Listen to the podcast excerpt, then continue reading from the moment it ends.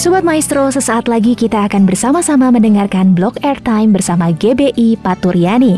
Selamat mendengarkan.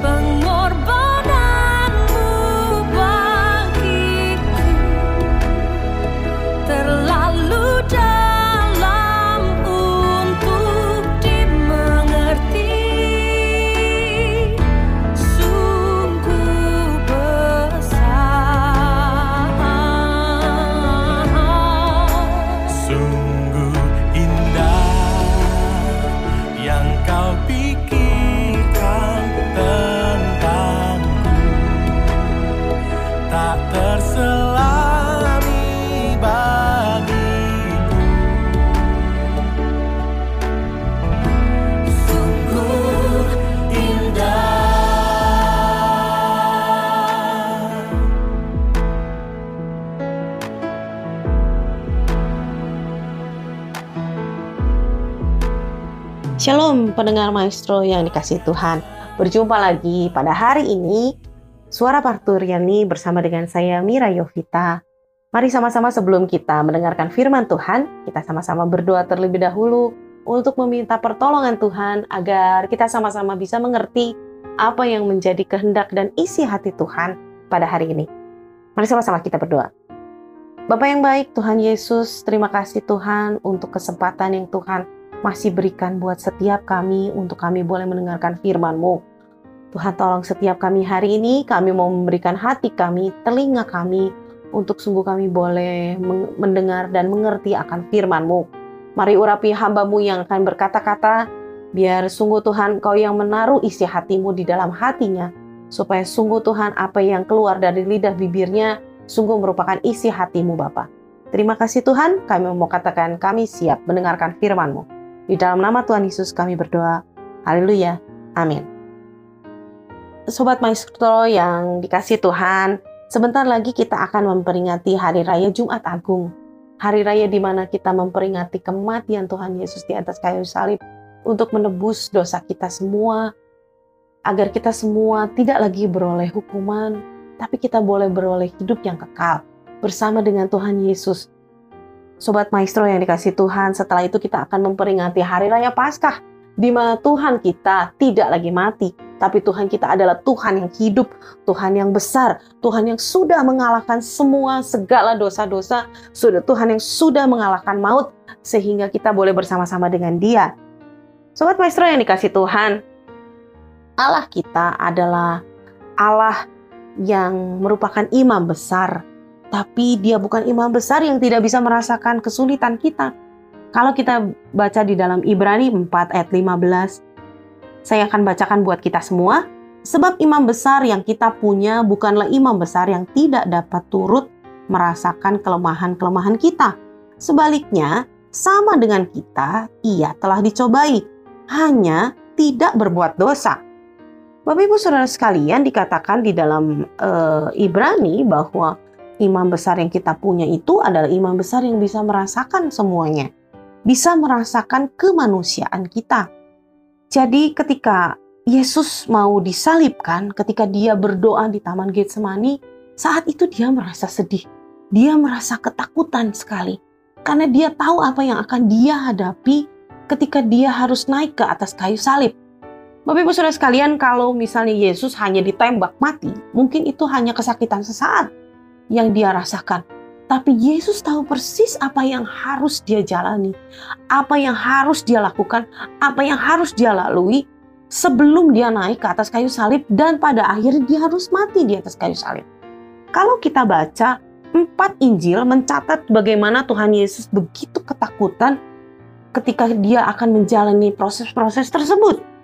Karena seperti halnya manusia, dia bisa merasakan marah, dia bisa merasakan sedih, dia merasa, boleh merasakan jengkel bagaimana apa yang dia tidak lakukan itu dituduhkan terhadap dia. Bapak Ibu Saudara sekalian, kalau kita lihat bagaimana Tuhan Yesus e, berdoa sebelum dia menghadapi semuanya.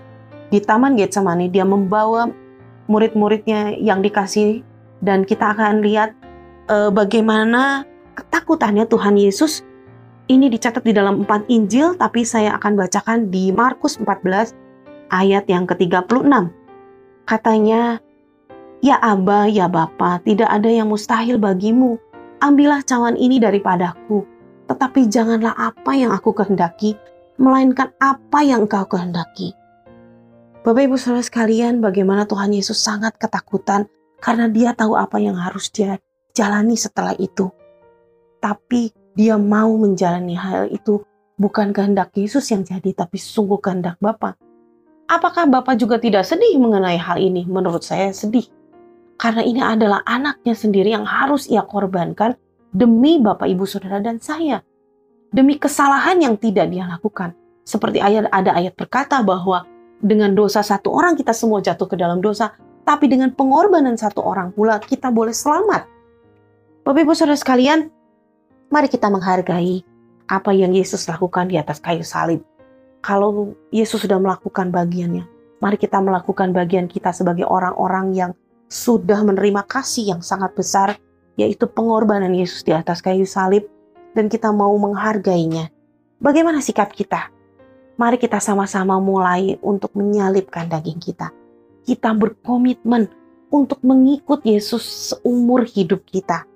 Bapak Ibu Saudara sekalian, kalau kita lihat di dalam Lukas 18 ayat yang ke-23, di sana dikatakan tentang seorang muda yang kaya.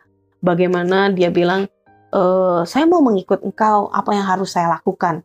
Dan kalau kita lihat ayat 21, e, mendengar itu Yesus berkata kepadanya, masih tinggal satu lagi yang harus kau lakukan, jualah segala yang kau miliki, bagikanlah kepada orang-orang yang miskin, maka engkau akan beroleh harta di surga, kemudian datanglah kemari dan ikutlah aku. Ketika orang itu mendengar perkataan itu, ia menjadi amat sedih sebab ia sangat kaya. Mungkin ini adalah orang-orang crazy rich yang seperti biasanya kita suka dengar ya belakangan ini. Banyak crazy rich, crazy rich yang begitu banyak hartanya dan Yesus berkata, jual semua itu dan ikut aku katanya.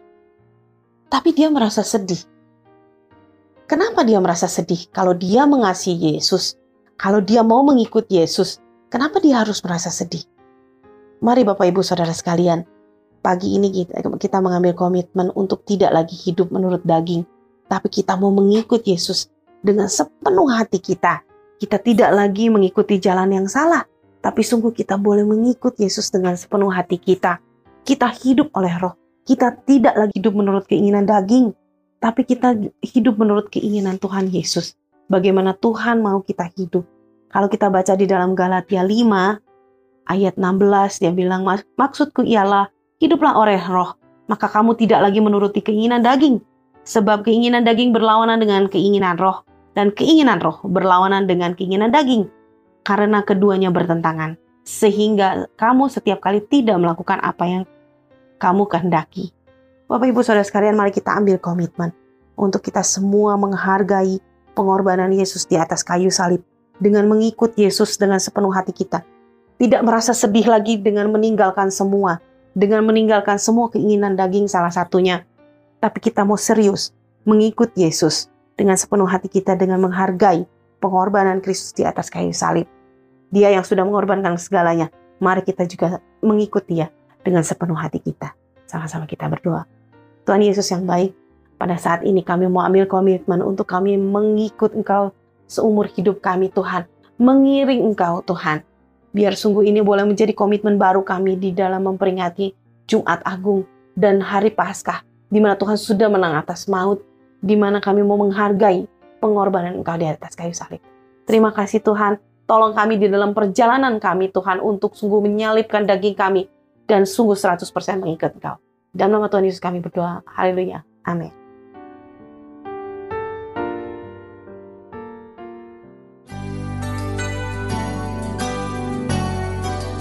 Sobat Maestro, kita baru saja mendengarkan blog airtime bersama dengan GBI Paturyani. Terima kasih atas kebersamaan Anda. Tuhan Yesus memberkati.